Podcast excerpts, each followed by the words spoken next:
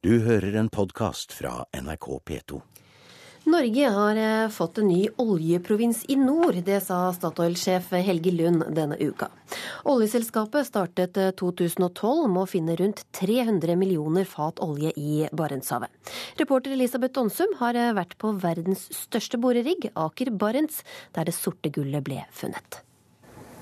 Hei sann. Hei. Kom inn. Jeg er boresjef her, jeg. Trond Karlsen. Så det er jo litt spennende det vi er med på nå. Det er ikke hver dag vi finner sånne forekomster. Men hva sa du når dere oppdaget dette? Ja! Endelig!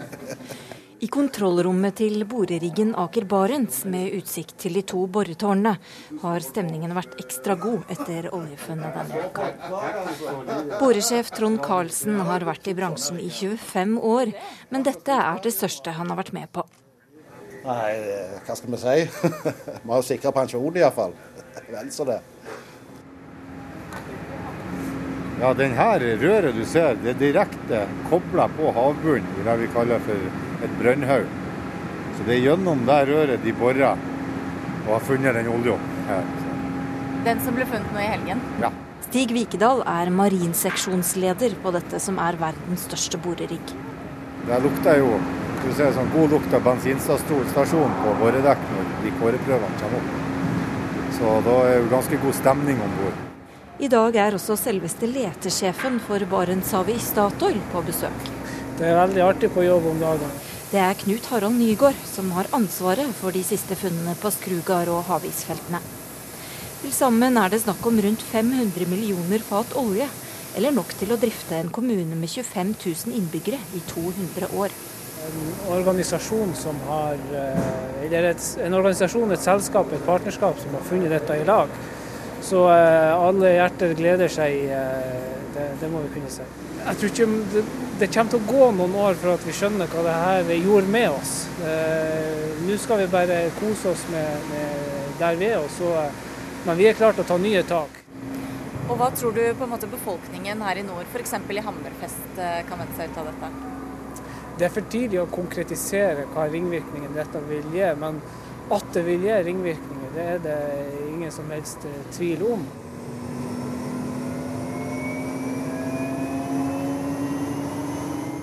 En times helikoptertur unna ligger Hammerfest. Politikere og næringsliv satser stort på å bli hovedstad i fremtidens oljeprovins i nord. Hvordan vil du beskrive forholdene nå da for, for næringslivet i Hammerfest? Nei, det er jo unike muligheter. Jeanette Moland er administrerende direktør i Hammerfest Næringsinvest. Så det er en slags lykkebrønn man har funnet der ute? Ja, det er jo det. Og dette funnet i, sett i sammenheng med Goliat og Skrugard og, og Melkøya, og, og også andre funn som man ser for seg vil komme etter hvert, det er jo fantastisk. Med hjelp fra Stein Erik Hagen og Rune Gjelsten skal det bygges ut flere tusen kvadratmeter her rett ved vannet. Og her er det allerede i gang? Her er det allerede i gang. Nå står vi nede på, på Finthustomta i sentrum av Hammerfest. og eh, vi starter nå med å bygge driftskontoret til En i Norge. Det er 4000 kvadrat og skal huse 120 mann i første omgang. Først og fremst ble jeg utrolig glad og tenkte at yes, det her er bra for Hammerfest, det er bra for Nord-Norge. Også varaordfører Marianne Sivertsen Næss fra Arbeiderpartiet ser frem til flere inntekter i kommunekassa. Sånn som den strandpromenaden her, da, som ikke nå er eh, hva skal jeg si, den er jo ikke lagt til rette for at man kan gå langs kaipromenaden og kjøpe seg noe ja, hva skal jeg si, fiskemat eller hva man skulle ønske, og kunne oppholde seg her, da, sånn rekreasjonsområde nærmest. Det er jo et sterkt ønske å få til, både med små butikker og restauranter kanskje. Og ja, det blir en aktivitet langs sjøen. På ungdomsklubben Bootleg er det full aktivitet. Scenen er forvandlet til et fotostudio, og midt i rommet har noen av jentene inntatt sofaen. Forventningene etter ukas nyhet er ulike. Kristina, 15. Det er bare bra, kanskje vi blir millionærer her i byen. Og de, de har jo ennå ikke funnet ut om eh, hvor de skal dra oljen i land, om de skal dra det her i Hammerfest eller en annen plass. Så vi får jo bare tida vise hvor de drar det i land. Forhåpentlig her i byen, så, de, så vi får flere boliger, arbeidsplasser, flere barnehager, oppussing av skoler.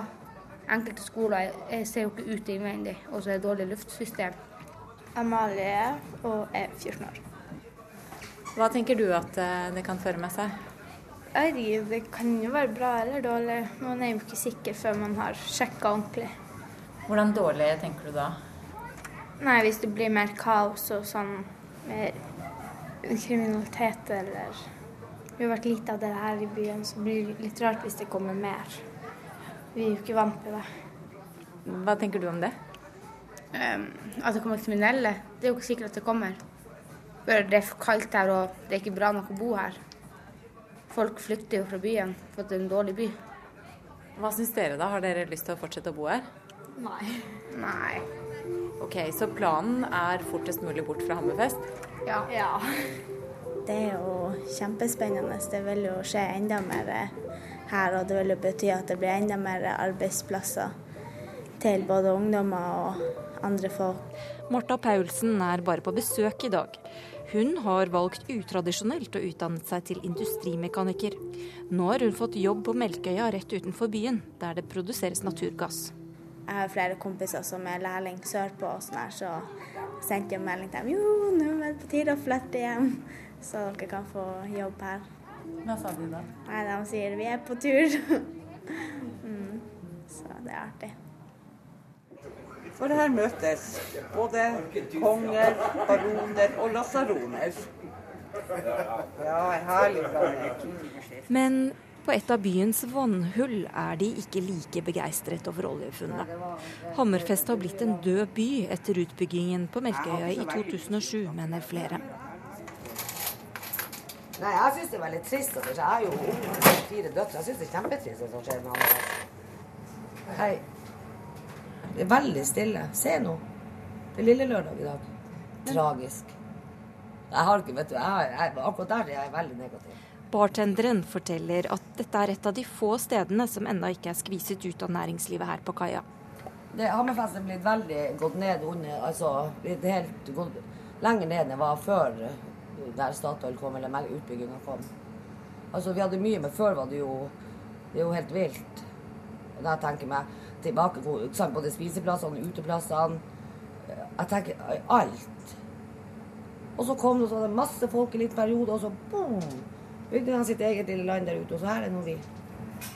Prisene, Husprisene og leilighetene og alt det steg jo så til, altså, til ville tilstander. Så det er greit at Statoil kjøpte opp masse leilighet, og i det hele tatt, det er jo vi som skal leve og bo her, og våre unger som må sitte og betale på de, kjøpe de dyre husene. sant? Og de har jo allerede begynt å stige nå, bare med tanke på at det, er noe nytt der ute. Skjønner du?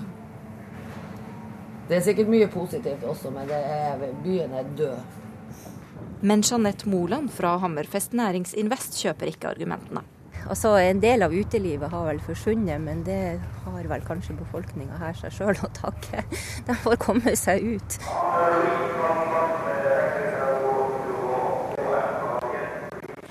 Og mens Hammerfest drømmer om å bli det nye Stavanger i nord, drømmer Karlsen om mer olje og flere damer om bord. Vi liker damer. Vi vil gjerne ha mer av det. Og flere er eh, skeptiske til de nye oljefunnene. Biskopen i oljehovedstaden Stavanger, Erling Pettersen, skrev i et innlegg i Stavanger Aftenblad denne uka at eh, Norge må ta radikale grep for å takle klimautfordringene. Og Tor Berger Jørgensen, eh, biskop i Sør-Hålogaland, du bekymrer deg også for konsekvensene av disse nye oljefunnene. Hva er det som står på spill? Ja, Disse oljefunnene står jo i en mye større sammenheng, hvor vi som nasjon og som verdenssamfunn er avhengig av å få bukt med klimautfordringene. Og da er ikke gleden over nye eh, petrofunn det som eh, kommer høyest på den dagsorden. Vi har et ansvar for også i Norge å passe på at vi får utslipp i tråd med det vi er forpliktet på, og det vi bør tilstrebe også innad i vårt eget land. Og da er det mange problemer knytta opp imot den gleden som en eh, nå har gitt uttrykk for ved de funnene som er gjort. Eh, for et par år siden så var du med på demonstrasjoner som krevde en eh, femårspause i eh, oljeletinga. Hvorfor er dette en sak som Kirken skal engasjere seg i?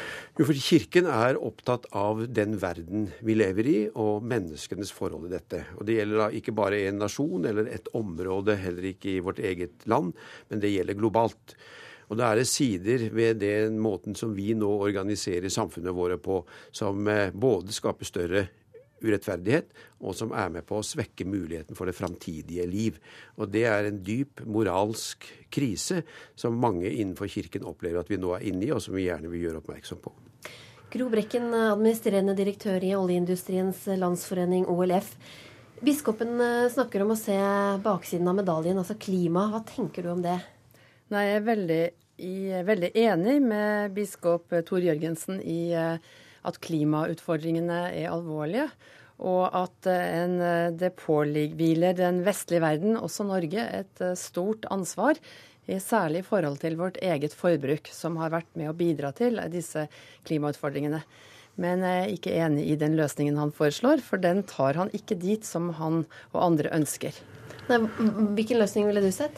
Alle som, som vet noe om behov for drivstoff til transport eller strøm, vet at det er behov for olje og gass så langt vi ser. Men er det etisk eh, riktig da å hente opp all denne nye olja, så lenge vi veit at til slutt så skal den forbrennes og bidra til ytterligere klimaforverring? Ja, Det er jo også ikke noe ønske fra olje- og gassindustriens side at den skal brukes til å brennes. Fordi at uh, dette råstoffet er utrolig viktig og verdifullt. Naturgass er viktig for å få til fornybar, men uh, olje kan brukes og brukes til uh, alt mulig andre høyteknologiske ting.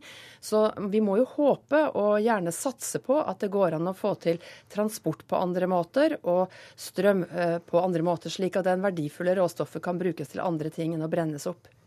Tor Jørgensen, eh, disse nye oljefunnene i nord, kan ikke dette bringe nytt liv da, i de nordligste delene av eh, landet vårt? Jo, dette er jo et stort dilemma, det må jeg få innrømme. Eh, jeg er altså biskop i Sør-Hålogaland, og der ligger både Lofoten og Vesterålen, og ikke Barentshavet da. Men jeg møter jo det når jeg er på visitaser og er rundt, ikke minst i de områdene, at her er en jo opptatt av det, det, kortere perspektivet, nemlig arbeidsplasser og det å få tilført ressurser til ens eget område. Og Det må jeg si at jeg har veldig stor forståelse for.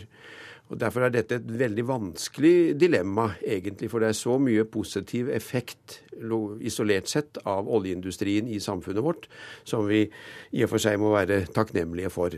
Mens altså de langsiktige perspektivene er annerledes. Og Derfor er jeg skeptisk, og skulle jo heller ønske, hvis jeg skulle utfordre direktøren her, at vi kunne juble, ikke over at vi nå endelig kan fortsette med oljeproduksjon i, og gassproduksjon i lang tid framover, men juble dersom vi fant andre måter å løse energiproblemene på. For her møter vi oss selv i døra før eller senere. Ja, nå er vi jo så heldig stilt i Norge at vi har store inntekter fra oljen- og gassindustrien. Så jeg syns jo det er flott hvis eh, norske myndigheter satser på forskning på andre energikilder, og ikke minst også på fangst og lagring av eh, karbon, i og med at vi vet at så langt vi ser, som jeg sier, så har vi ikke noen gode løsninger, særlig når det gjelder transport til vanns og lands og i, eh, i lufta. Men det vi også kan bidra med nå, det er jo fordi vi er vi har veldig strenge myndighetskrav i Norge og høyt og god, god teknologi, så kan vi bidra til, slik som det er nå, til å hjelpe andre land som produserer olje og gass, til å gjøre det på en mer energieffektiv og miljøvennlig måte. Det er i hvert fall noe vi, vi kan gjøre fra bransjen. Men hvorfor er det vi som et rikt land som skal fortsette å utvinne olje, og ikke andre land? Ja, Det har jo noe med dette med, som vi snakker om, med klimagassutslipp. At hvis vi tar inn over oss at dette er et globalt globale utslipp, så er det jo ikke noe eh, bra for klimaet hvis vi slutter å produsere. Og det, produs det skal produseres. Det er ingen som eh, slutter å kjøre bil og motorsykkel og båter for det om vi ikke produserer olje. Det er ingen tvil om at det IEA ser, eller Verdens energi eh, IEA ser for seg, det er at det vil da bli mer produksjon av det som heter ukonvensjonell olje, som er mye mer miljøødeleggende. Eh, så det blir jo bare mer utslipp av, og dårligere for miljøet hvis, det, hvis Norge ikke er et av de landene som produserer. Men er det ikke bedre at uh, oljen utvinnes her, hvor vi har, uh, hvor vi har en, mer, en, mer, klimavennlig utvinning da, enn andre steder? jo, det, det er jo et delresonnement, eller et begrensa resonnement, som har absolutt mening. Men det grunnleggende er jo hvordan satser vi, som den rike nasjonen vi er, på nettopp å utvikle de alternativene som kan ha bærekraft inn i framtida. Jeg skjønner veldig godt eh, det du sier, og jeg skjønner eh, Jeg deler din eh, klimafrustrasjon. Men jeg tror nok også at det er slik at den industrien som vi nå har utviklet med utgangspunkt i oljen og gassen på norsk sokkel, den har gitt oss en enorm kompetanse og høyteknologi. Vi strever hele tiden for å, å bli bedre. Jørgensen, vi lever tross alt av oljen her i landet. Kan vi sage av den greina vi sitter på? Det som er ubehagelig i dette, er jo nettopp eh, Nå føler vi oss trygge fordi vi kan sikre oss selv. Og kanskje kan en offspin, en konsekvens av det, bli at vi greier å utvikle teknologi som på sikt blir til hjelp. Den akutte krisen i verden er jo mye større enn det. Og det er her jeg ønsker at det trykket, som også direktør Brekkan her nå gir uttrykk for, kunne vært tydeligere i eh, det norske politiske miljø og også faktisk innenfor industrien selv. Vi ser at det er en grense. Vi er i nærheten av den grensen. Vi må arbeide for å finne alternativene. Og Hadde vi greid å formulere det tydeligere sammen, og industrien også investert i det på en ny måte Det fins absolutt mye arbeid som gjøres på denne sektoren, men enda sterkere så ville også politikerne kanskje fått et større handlingsrom. En utfordring her, Brekken?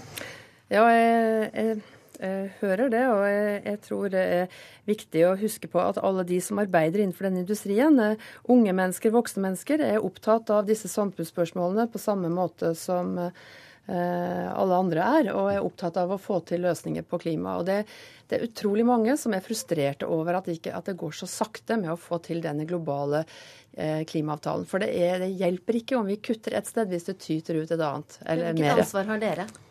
Ja, Vi har jo et ansvar, som jeg sier, ved å hele tiden strekke oss mot å produsere olje og naturgass eh, så rent som mulig.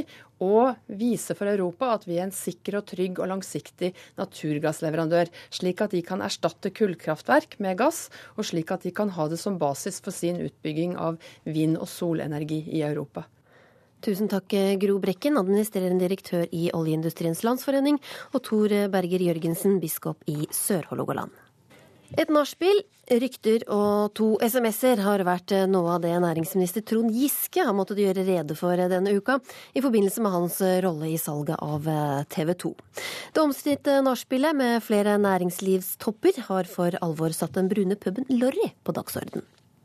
Ja, det, man kan kanskje angre om at man i hele tatt ble, med, ja, ble, med, Bernander og co. på, på Lorry, når man opplever etterpå at man blir utsatt for en usann Eh, ryktespredning, men eh, vi får ta noen sjanser i livet.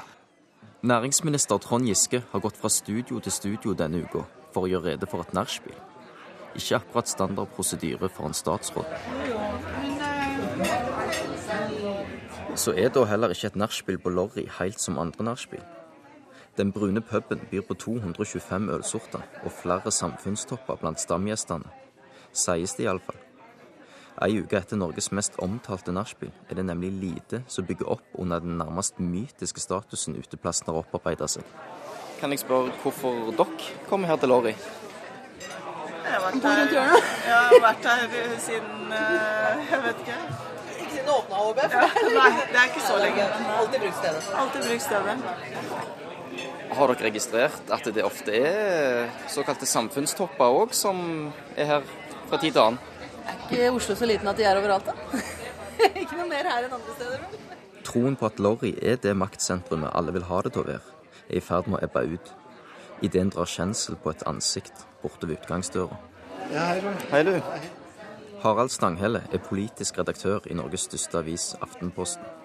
Ute på gata forteller han hvorfor han er på Lorry i kveld. Ja, Jeg skal rett og slett eh, spise en vennskapelig middag med Fabian Stang. Eh, som eh, vi gjør eh, ofte, men likevel altfor sjelden. Har du sjøl deltatt i eller overhørt eh, det mange vil oppfatte som viktige samtaler på Lorry? Ja, det har jeg nok opp gjennom åra. Men hvor viktige de egentlig er, det tror jeg nok kan diskuteres. De er nok viktigere når du ikke har vært med på samtalene, enn når du har vært med på dem. Reporter var Dario Kverme Birhane. Kåre Valebrokk, du har både vært TV 2-sjef og sjefredaktør i Dagens Næringsliv i din karriere som pressemann. Hva syns du om alt ståket rundt eh, Giske, hva han skal ha sagt eller ikke sagt når dette nachspielet på, på Lorry? Ja, Det jo iallfall interessant å se hva som etter hvert kommer på bordet, ikke minst av uh, SMS-er.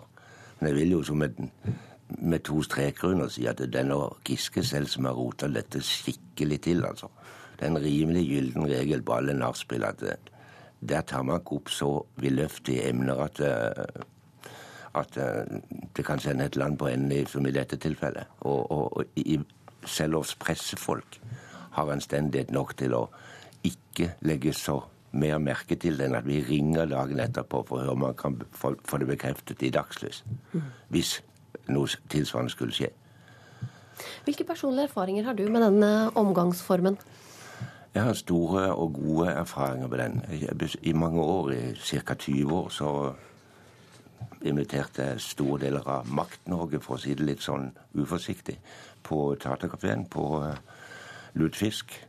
Jeg hadde vel 20 lutefisker på det verste ett år, med en åtte-ti personer eh, til stede ved hver. Og det forekom aldri at det ble noe spetakkel i, i, i retning av dette, av, av disse lutefiskene mine. Man kunne ikke si hva som helst og regne med at det ikke kom ut? Man sier ikke hva som helst. Særlig ikke på et lutefisklag oppunder jul. Og det samme gjelder for så vidt om man går på lorry etter jul. Jon Eikemo, skuespiller med bilde på veggen og eget bord på Lorry. Hvem er det som går på Lorry? Ja, det er Det var tidligere så var det mye malere og og når ikke de hadde penger, så fikk gjerne Karl Otto Baue et bilde eh, som betaling. Og så har jeg jo sett en del politikere der òg, men nå har jeg altså 40 års erfaring for, for Lorry, og på det verste så tror jeg Erling Legeid og jeg vi var der iallfall fire ganger i veka. Så jeg syns den der Lorry er sted hvor politiske skandaler utløser, skuespillere slåss og kjendiser bekjenner sine synder. Jeg syns sånn sensasjonsjournalistikk den Utad, når det kom på trykk iallfall, så, så syns jeg den er Jeg syns den er uheldig for plassen. Det er ikke det at jeg ikke har opplevd ting der, det har jeg. Men eh, OK. Det er vel sånn Men... det er blitt. Mm, hører, du må sitte litt uh, roligere, for det blir en del sånn uh, støy på mikrofonen. Ja, Men uh, når er det politikerne pleier å dukke opp på Lorry? Jeg hadde vel et inntrykk av at han hadde vært spist i Kongen, og det ligger jo rett over, over den der Slottsparken. At de kom der da. Men det var jo selvsagt, det har jeg sett det mange ganger ellers også, at de kom. Og eh, Skal vi se Hvem var, jo, jo, eh, jo, jeg husker spesielt en gang Hallgrim Berg kom med, med Høyre med Høyre-gruppa. Og eh, jeg syns at de var så Det var så mye slips, og de var så konforme at vi satt en gjeng borti en kor tenkte jeg skulle erte dem litt. Så jeg sa det er merkelig at kan ikke det stå dere litt løst der ute? Det er jo ikke stortingsmenn nå når det er utover. Og da hoppa Algin Berg opp på bordet og tok fram den der spilledåsen sin og spilte. så det var jo både hyggelig, og så skapte det moro, som en sånn plass skal. Det skal være sosialt og litt løsjakke. Martine Aurdal, leder av samfunnsavdelinga i Dagbladet. Det går historier om eh, deg på Lorry også. Eh, blant annet en episode med han som ble din mann. Hva var det som eh, skjedde? Nei, Det er jo noe jeg forsøker å tilskrive kontoen uh, ung og dum og uerfaren, uh, og også litt for lidenskapelig den kvelden hvor Ulrik Sali nok ble så rasende at jeg sendte en lysestake gjennom lufta etter han. Um, jeg har prøvd å ikke bli så opphisset på Lorry senere. Men hva får du ut av å gå på Lorry nå, som journalist? Veldig mye. Og jeg syns jo, ja, man skal snakke om eh, litt sånn gentleman's agreement som også Kåre Valbrok drar opp her. Men som journalist så tenker jeg det er jo mange gode grunner til å gå på Lorry. Og så kan man få veldig mange gode saker der, men da er det to gylne regler, regler som jeg foretrekker å eh, følge.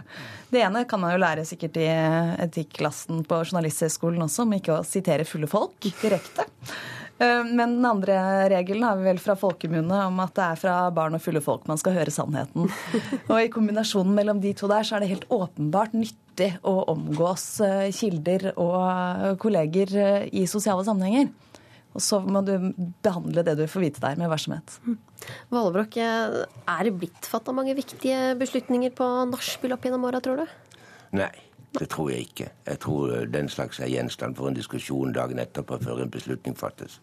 Men det er sagt mye rart. Du verden, du verden. Um, nå var det jo hovedsakelig næringslivtopper, slik som jeg skjønte, som deltok på det beryktede nachspielet nå natt til forrige fredag. Men står den strenge nachspiel-kodeksen som vi snakker om her, da, svakere hos dem enn hos eh, politikere og journalister, eh, tror dere? Nei, det tror jeg ikke. Det er ikke min erfaring. Og jeg har hatt mye næringslivstopper til eh, mine lutefiskbord og for øvrig andre middager. Og den står Nei, det vil jeg fastholde. Mm. Men det er vel slik at dette er maktmennesker som ikke slutter å være maktmennesker idet de går fra kontoret. Eh, man har eh, den jobben og den posisjonen fordi at man også er den personen eh, døgnet rundt. Og så er det jo opp til den enkelte selvfølgelig å kontrollere seg så man ikke enten gjør som jeg gjorde denne ulykksalige gangen, eller sier for dramatiske ting på nachspielet. Mm. Men det gjelder jo også statsråder. Det gjelder både statsråder, journalister, næringslivstopper og egentlig kanskje en god leveregel for de fleste. Ja, jeg tror det. Eikemo, hva skjer da hvis man eh, går over streker inne på, på Lorry? Ja, nå er det jo vanskelig å sitte her og, eh, og nevne navn og sånt, men husk, det er regler for det. Fordi at det, Dette er kanskje noen år tilbake, men det var i hvert fall, jeg husker det ei dame som hoppa opp på, opp på bordet og sto, og sto der og dansa i bare underbukser. Og da fikk hun to måneders utestengelse. Og det der varierte i eh, hvor alvorlig det var en, en gjorde. Så ja. Mm. det er jo ikke vanlig. Dette er, det er sjeldent hender, da. Mm. Men hva er det da med Lorry som egner seg for uh, slike møter? Hvorfor er det akkurat der? Det er jo flere eh, ting som passer. Altså, ene er jo selvfølgelig Lorry har en eh, stolt og lang historie. Eh, men selve stedet, et steinkast fra Slottet, eh, sentralt i byen, eh, stort, men med båser, så du både kan mingle og snakke relativt eh, usjenert. og selvfølgelig de veldig mange ølsortene og behagelige atmosfæren legger jo alt til rette. Og så er det da kanskje derfor at det har blitt stedet for etterfester etter veldig mange av de viktigste festene som foregår i byen i løpet av et år. Enten det dreier seg om Aschehougs hagefest eller Nationaltheatrets sommerfest eller NHOs årsmiddag eller for den saks skyld Arbeiderpartiet sitt landsmøte. Og så er det en av de siste brune pubene som er tilbake i Oslo. Etter at eh, Torstrup-kjelleren uh, forsvant, så er det vel den eneste klassiske brune puben som, som, eh, er igjen i Oslo sentrum. Mm. Du har ikke danset selv på bordene, da? Nei, det er, det er dårlig med det. Det er ille, det er ille nok om jeg danser på gulvet, om jeg ikke skal prøve på bordene. Men eh, gjestene dine, har de også alltid da oppført seg godt? Ja, det har de. Og om de ikke hadde, så skulle jeg iallfall ikke ta det opp på radioen. um, Ja, men altså, hva med Nå har vi hatt, eh, i hvert fall Eikom og Aurdal, hatt litt erfaring med historier som, som, kommer ut etterpå. Hadde dere forventet det? Det og hvordan opplevdes det? Jeg hadde jo skikkelig uflaks eh, da jeg helt tilfeldig da skulle eh, portretteres i VG Helg, jeg tror det var dagen etter, kom litt sliten og utmattet til intervjuet. Og de hadde selvfølgelig hørt den historien. Da var det vanskelig å prate seg ut av det. Ellers så er det jo sånne ting man helst vil uh, unngå. Men uh, de fleste historiene om det som har skjedd på uh, Lorry eller på andre nachspiel uh, med, med, kjente folk eller samfunnstopper, kommer jo nettopp ikke i avisa pga. disse uskrevne reglene og at man tar et visst hensyn til hverandre. Men jeg vil påstå at også veldig mange av de tingene som sannsynligvis har blitt påstått rundt lutefiskbordene til Kåre Valbrokk, har ført til gode saker senere, men at man nettopp tar dem opp igjen i dagslys dagen etter. Tusen takk, Martine Aurdal, Jon Eikemo og Kåre Valebrokk. Pondustegner Frode Øverli hisset på seg svenskene tidligere i uka da han i avisa Metro tegnet en karikatur av afrikanske kannibaler med bein i håret. En av dem som ble opprørt, var rapperen Timbuktu, som nå selv får hatske meldinger fra nordmenn. Men det er ikke første gang tegneserier provoserer. Langt inne i Afrikas jungel, i hottentottenes land, bodde hottentottene og hottentottenes konge en ufarlig, gammelmodig framstilling eller skadelige stereotypier. Enkelte sanger så vel som tegneserier er blitt kritisert for å ha rasistiske over- eller undertoner.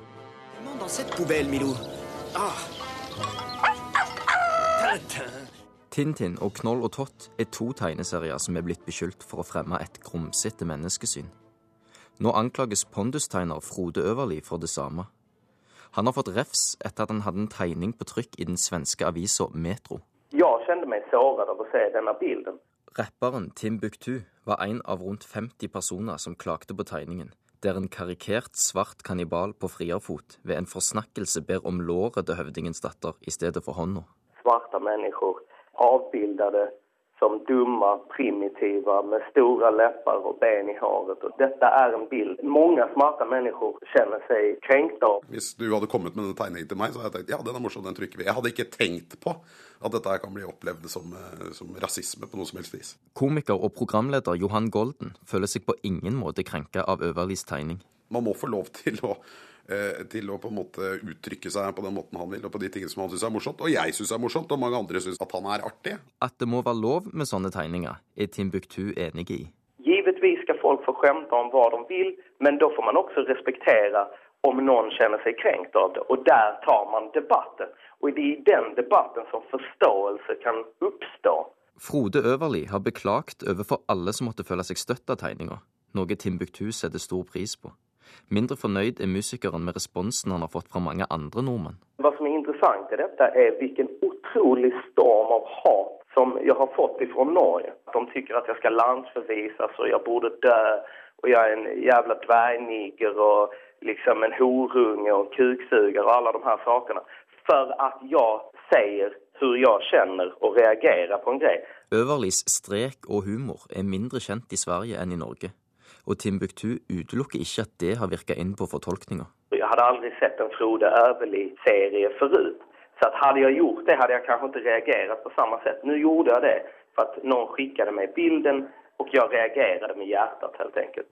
Like fullt har rapperen vanskelig for å se for seg en lignende harselas med f.eks. jøder. Man riter ikke skjemtegninger om jøder med krokige neser og gula stjärnor på sina rockar eh, sittande i koncentrationsläger och gör narr av det.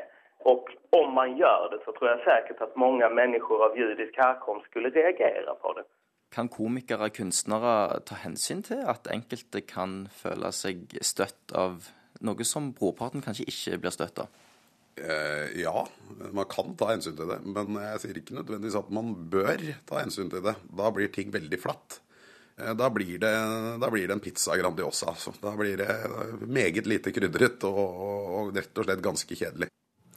Det sa Johan Golden til reporter Dario Kverme Birhane. Og Frode Øverli ønsket ikke å uttale seg til eh, ukeslutt. For å gjøre det lettere for unge å komme inn på boligmarkedet, vil SVs Heikki Holmås ha 28% skatt på boligsalg. Og det mener du er et eh, dårlig forslag, Jan Tore Sanner. Du sitter i finanskomiteen for eh, Høyre. Hvorfor det? Hvis du innfører 28 beskatning eh, ved salg av bolig, så vil jo det bety en kjempeskattesmell for unge familier som skal flytte sammen, eller for 40-50-åringer eh, som kanskje skal, skal, skille seg. Eh, vi har eh, bare for illustrasjons skyld beregnet hva Heikki Holmås sitt forslag vil bety. Hvis du har et par i 30-årene som ønsker å flytte sammen, og som selger hver sin leilighet for å kjøpe en, en sammen, så vil det innebære at de vil kunne få en skattesmell på 350 000 kroner. Eh, da har de solgt hver sin eh, leilighet. eh, for å kjøpe en, en ny. Som andre ord 350 000 kroner i skattesmell før dette unge paret kan flytte sammen. Det er Heikki Holmås sin gave til unge familier. Tilsvarende hvis du har et par i 40-årene som har hatt et hus kanskje, som har en verdi på 5 millioner kroner, og skal selge det for å kjøpe hver sin leilighet. Da vil de eh, raskt kunne få en skattesmell på mellom 600 og 700 000 kroner. Med andre ord en skattesmell på nesten 700 kroner før du får lov til å skille deg. Dette er igjen Heikki Holmås og SV sin gave til, til folk som da er nødt til å kjøpe seg nye hus. Dette er fantasitall og feil regnestykker fra Jon Tore Sanner. Fordi at Utgangspunktet er at en sånn skatt kan ikke innføres på verdiøkning før det innføres. Ellers hadde du rammet utrolig skjevt. Men hovedpoenget er at ungdom i dag har det tøft på boligmarkedet. Fra den gangen jeg kjøpte bolig på begynnelsen av 90-tallet og frem til i dag, så har boligprisene firedoblet seg. Det er altså sånn at uh, ungdom som ikke har foreldre eller besteforeldre som kan stille opp med lån og garantier eller, eller arv til sine barn og barnebarn, de uh, kaller seg sjøl den boligløse generasjonen. Og da sier jeg vi må vise solidaritet med de ungdommene, og så må vi sørge for å gjøre det lettere for de å komme inn på boligmarkedet og få kjøpt sin første bolig. Og så må vi som da har penger og tjent godt underveis, vi må da bidra. Forslagene mine er følgende. Okay. Det, er, ja, for... det For det første så er det å fjerne dokumentavgiften på alle ungdommer som er under 35 år. Det vil gi 50 000 kroner i skattelette og penger som de kan, kan komme foran i køen på for, eh, for godt voksne mennesker. Eh, for en gjennomsnittlig bolig som i dag koster en to millioner. Det å gi rett til lån i Husbanken til ungdom som, eh, som ikke får lån i bank, men som er i stand til å betjene lån, og så er det å bygge flere utleieboliger. Og dette vil jeg finansiere gjennom at ja, vi som har tjent godt på, eh, på bolig, boligprisøkning, og folk som eier boliger, eh, bolig nummer to og bolig nummer tre og fire og fem, de skal bidra mer. Og det syns jeg er en solidarisk holdning fra oss. Men der er ikke Høyre. Sanne. Eh, jeg syns at Heikki Holmås sitt utgangspunkt er positivt. Fordi at han har et oppriktig engasjement i forhold til, til unge mennesker på boligmarkedet. Det syns jeg er prisverdig. Men problemet på boligmarkedet i dag, det er ikke at du har for lite skatt, men at du har for få boliger.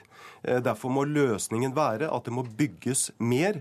Det betyr bl.a. At, eh, at Fylkesmannen må, må, slutte å overprøve kommunene når de legger ut nye boligområder. Det betyr at man må satse på bedre infrastruktur, slik at vi kan bygge mer i, i, i randsonen av, av, av, pressområdene. Og det må bety at vi må ha, få en mye bedre BSU-ordning, hvor vi stimulerer unge til å spare mer, slik at de får høyere egenkapital. Men de tallene som jeg har eh, lagt frem, lagt frem i dag, som viser skattesmellen til, til Heikki Holmås, den har tatt utgangspunkt i den verdistigning som har vært på boligene de siste åtte til ti årene. Og hvis du har hatt en verdistigning eh, i løpet av de åtte-ti årene som vi nå har hatt, så innebærer det faktisk at, eh, at dette huset som eh, Eh, de to leilighetene som da, da selges, eh, må gevinstbeskattes, og det vil bety 350 000 kroner i økt skatt før du kjøper et, et, et hus sammen. Nei, det, kan ikke, det, kan ikke, Heikki Holmås snakke seg bort ifra. Han håper at økt skatt vil føre til mindre prisøkning på boliger. Jeg tror det er for lettvint. Jeg tror at svaret må være at vi må bygge mer hvis vi skal få prisene under kontroll, ikke skatte mer.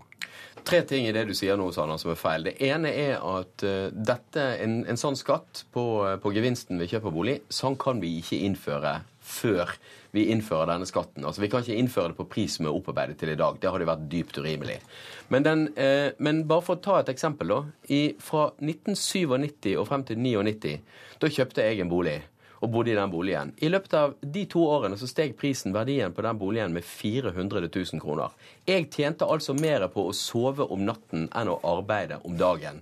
Og jeg mener, og Den ene tingen betalte jeg skatt på, det andre betalte jeg ingenting på. Det er ingen tvil om at det at det er så gunstig for eh, at du blir sittende igjen med så stor gevinst, det gjør at det er vanskeligere for de ungdommene som kommer og skal kjøpe seg inn eh, sin første leilighet og få seg en bolig. Og det er heller ingen tvil om at det er en dypt urimelig skjevfordeling mellom folk. Hvorfor må skatten være så høy da, som 28 Vil ikke ha effekt? Eh? Jo, det kan godt hende at vi skal ha en lavere skatt, og at den vil ha effekt med en lavere skatt, men, men, dette er noe vi bør gjøre for å finansiere at ungdom får den skatteletten på dokumentavgiften. Og det er den jeg gjerne vil utfordre Høyre på. For jeg mener at vi bør sørge for å gi ungdommen muligheten til å komme frem i køen. For det er mye tøffere for ungdom i dag enn det det var for en 10-15 år siden. Og hva vil Jan Tore Sanner? Vil ikke du være med på å sørge for å senke skatten på boligkjøp for de ungdommene som i dag sliter med å få kjøpt seg sin første bolig, sånn at du ikke er avhengig av foreldre som har penger eller arv fra besteforeldre? Jo, det er vi åpne for å diskutere. Eh, og det har faktisk Høyre foreslått i Stortinget. Eh, for noen år siden så foreslo vi redusert dokumentavgift eh, for, for unge boligkjøpere. Så vi er åpne for å diskutere det. Ja, det. Men, men, men, men, det man skal merke seg, det er jo den andre delen av Heikki Holmås sitt forslag.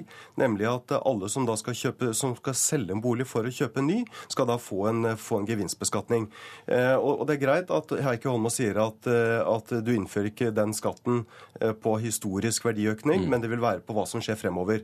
Da legger han til grunn at denne skattesmellen vil bidra til mindre prisøkning i boligmarkedet. Jeg er sterkt i tvil om det er riktig. Jeg Hvorfor ikke at... prøve noe nytt? Det fungerer jo ikke sånn som det er eh, jo, prøve, i dag. Prøve noe nytt, men, men, vi må bygge mer, ikke skatte mer. Eh, og, og, det, og, det, vi må gjøre, det, er, det jeg har vært inne på, nemlig at, at, kommunene må legge ut flere områder for å bygge boliger. Og så må, må regjeringen instruere sine fylkesmenn om at de må slutte å overprøve kommunene kommunene hver gang de legger ut nye områder. Så må du bygge ut bedre infrastruktur, og så må du få bedre BSU-ordning. Det vil både få flere boliger, det vil få prisvekst under kontroll, og det vil bidra til at unge kan bygge opp en egenkapital. SV, Jeg merker meg jo det at, at skal du bli leder i SV, så må du gå ut med, med skatteøkningsforslag. Så det, det, er jo det er god SV-tradisjon. Eh, men dette vil ramme veldig mange. Både folk som skal klatre i boligmarkedet, folk som skal flytte, eller også eldre mennesker som ønsker å, eh, å kanskje finne en, en enklere bolig eh, på sine siste dager. Ja, ja, ta, ta, to ting, Jan Tore Sanner. Den ene tingen er at når det gjelder boligutbygging, der er vi nødt for å ha en mye mer aktiv boligpolitikk fra det offentlige enn det vi har. Vi kan ikke overlate til dette til markedet. Vi vet at det trengs 25 000 boliger i Norge bygget hvert eneste år. Og det er bare fire år i løpet av de siste 20 årene der vi har fått nok boligbygging. Og her er faktisk Høyre like mye en propp som hvem som helst andre. Ta f.eks. det svære utbyggingen av området ute på Fornebu. Der, det altså var, der Høyre i, by, altså i kommunestyret i Bærum satte foten ned for å bygge flere enn 5000 boliger, mens Arbeiderpartiet og SV ville bygge ja, et eller annet sted mellom 10 og 12, 15 000 boliger. Altså med andre ord dobbelt så mye boliger. Så dette gjelder også hvordan, øh, hvordan måte lokalpolitikere fra Høyre setter foten ned for å få en nødvendig boligutvikling. Nå, nå snakker du mot bedre vitende. Fordi Nei, det gjør jeg ikke. Den viktigste grunnen til at det ikke bygges mer på Fornebu, er jo at du ikke har infrastruktur til å komme ut dit. Eh, du trenger flere busser, du trenger bedre kollektivtransport, du trenger eh, også mulighet til å kjøre ut dit. Det er infrastrukturen som bremser muligheten til å bygge mer på, på, på Fornebu. Men jeg er helt enig, i at Eh, at her må det være et samarbeid mellom kommunen og, og, og staten.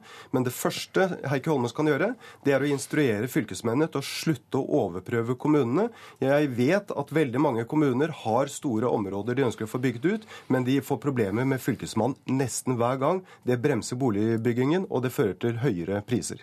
Sander, hvor, eh, hvor, skulle man bygd, hvis vi skal se på Oslo f.eks.? Er det Marka man skal ta på? Skal man begynne å bygge helt nye byer på utsiden av Oslo? Hva, hva skal man gjøre? Eh, hvis du tar utgangspunkt i Oslo-regionen, eh, så har du store områder oppover på Romerike. Du har store områder nedover i Follo. Eh, jeg tror at et viktig område fremover vestover kommer til å være Røyken, Drammen, Kongsberg. Med andre ord, Vi må være villige til å bygge også litt lenger ute enn i selve bykjernen. Men da må du også ha bedre kollektivtransport. Så jeg diskuterer gjerne hvordan vi kan få en mer aktiv boligpolitikk for flere boliger. Men det er, det er litt sånn forenklet og typisk SV når de ønsker at man skal skatte mer, når vi egentlig bør bygge mer for å få prisene under kontroll. Jeg er helt enig i at vi er nødt for å bygge mer. Men jeg syns også at vi er nødt for å ta ansvar for at alle de ungdommene som i dag ikke kommer inn og får kjøpt sin første bolig Jeg mener at vi som har tjent godt med penger på å kjøpe og selge og var heldige og fikk, eh, fikk kjøpe vår første leilighet på 90-tallet, vi må stille opp for de ungdommene som i dag sliter med å komme seg inn. Og da bør vi senke skattene for de, gi de flere muligheter, og så må vi jo, være med på å finansiere det. Det er ikke det du gjør, fordi at det unge paret som da skal selge hver sin leilighet Nei. for å kjøpe igjen felles, de må da ha en gevinstbeskatning på hver sin leilighet. Og det betyr at de vil få en skattesmell før de kan flytte sammen. Det fikk bli siste ord. Tusen takk, Heikki Holmås og Jan Tore Sanner. Den siste uka har vi hørt at eh, flere og flere prester får henvendelser fra folk som ønsker hjelp til å drive bort spøkelser fra hus og arbeidsplasser. Vi sendte reporter Anette Ramstad til det gamle arbeiderstrøket Kampen i Oslo på jakt etter spøkelset som skal finnes der. Det er sånn helt uforklarlig, for at uh, ofte så har jeg vært den siste som har dratt om kvelden, og den første som har kommet om morgenen. Og jeg vet at det er ingen andre som har vært der, for jeg liksom kan lese loggen på, på alarmen. Men likevel så er ting borte. Det er helt sporløst. Christian Tinnen forteller sogneprest Sunniva Gylver om uforklarlige ting som har skjedd på Kampen bistro midt i det gamle arbeiderstrøket i Oslo. Ja, altså det er jo eh, mobiltelefoner, eh, vinflasker, spritflasker som er på en måte Man tror jo at å nei, nå er det noen av personalet En gammel dame med sprit og mobil, altså. Er, uh... Nei, prøver, hun, jeg tror hun er avholds, så hun liker ikke at oh, ja. vi drikker. Så hun driver og gjemmer, gjemmer vekk de God pietist. Ja, ja. Denne uka har vi fått høre at flere og flere prester blir kontaktet for å få bukt med slike hendelser som dette på Kampen bistro. Eh, jeg har nok flere kolleger som jobber i Nord-Norge som opplever det mye oftere. Eh, men jeg har opplevd det noen ganger, og da har det primært vært knytta til hus eller bygg med en tung historie. Prest i Kampen kirke, Sunniva Gylver, har selv opplevd å bli kontaktet av mennesker som ønsker velsignelse av hjemmene sine. Det jeg kan gjøre som prest, er at jeg kan gå inn og be for huset og de som bor der eller arbeider der. og jeg kan lyse velsignelsen, jeg kan gjøre korsets tegn. For Gylver er det viktig med en åpen holdning til de som ønsker å kontakte henne. Selv om hun kanskje ikke tror på spøkelser og hjemferd. Eh, det jeg tenker jeg kan gjøre som prest, det er at jeg kan eh, lytte til folk og være åpen, og at, at, som kirke så har vi godt av det. Men spøker det egentlig på Kampen bistro? Det tror jeg på det, tror jeg ikke på det. På en måte tenker jeg at, at hvis man går inn i et hus og vet om en sånn historie, så vil man også tenke og kjenne og føle på andre ting enn hvis man ikke visste det. Samtidig som jeg tenker at jeg må også ha respekt for at, at jeg kan ikke si at ting ikke har skjedd. På Kampen bistro brenner det i peisen, og store brød ligger ferdigbakt i dagens servering. På bordene ligger nystrøkne rødrutede duker. Christian Tinnen forteller at disse var sentrale for freden mellom dem og den gamle damen som sies å gå hjem på huset. Så, øh, men øh, det var noe med det når, når vi begynte å stryke duker og liksom gjøre oss litt flid med sånne huslige ting. Da, at vi merka at Ja, litt koselig. Uh, at vi merka at uh, spesielt jeg ble godtatt. Eh, hvis spøkelser skal være immaterielle skikkelser, og ikke draugen, som er liksom sånn den, det gode, virkelig materielle spøkelset eh, vi har i gammelt norrønt, eh, så er ikke all verdens å drive og løfte ting med. Altså. Og det, det, er ikke noe sted å gjøre av spriten heller. Skepsisredaktør og religionshistoriker Asbjørn Dyrendal er en av de som har vært kritiske til at kirken bedriver utdrivelser. Slik praksis er mest kjent fra den katolske kirke, men har nå også blitt vanligere i den lutherske tro. Sånn har det ikke alltid vært. Det har ikke vært veldig vanlig i religionshistorien at protestantiske prester brukes eh, i forbindelse med egentlig ikke ånder så mye heller de siste par hundre åra, men, men spøkelser så har det stort sett ikke vært så veldig aktuelt. Han blir ikke overrasket over at flere og flere tar kontakt med prester for å få bukt med mystiske hendelser i hus og hjem. Kanskje ikke så spesielt at folk tar kontakt for det, har de gjort. Og prester har også levert den typen tjenester med ulike mellomrom og på ulike steder til ulike tider. Men eh, det som er interessant, det er at det ikke problematiseres og tas opp i forbindelse med en tanke om ortodoksi på noen veldig synlig måte i, eh, i kirken. Sånn i hvert fall ikke for oss som står utenfor.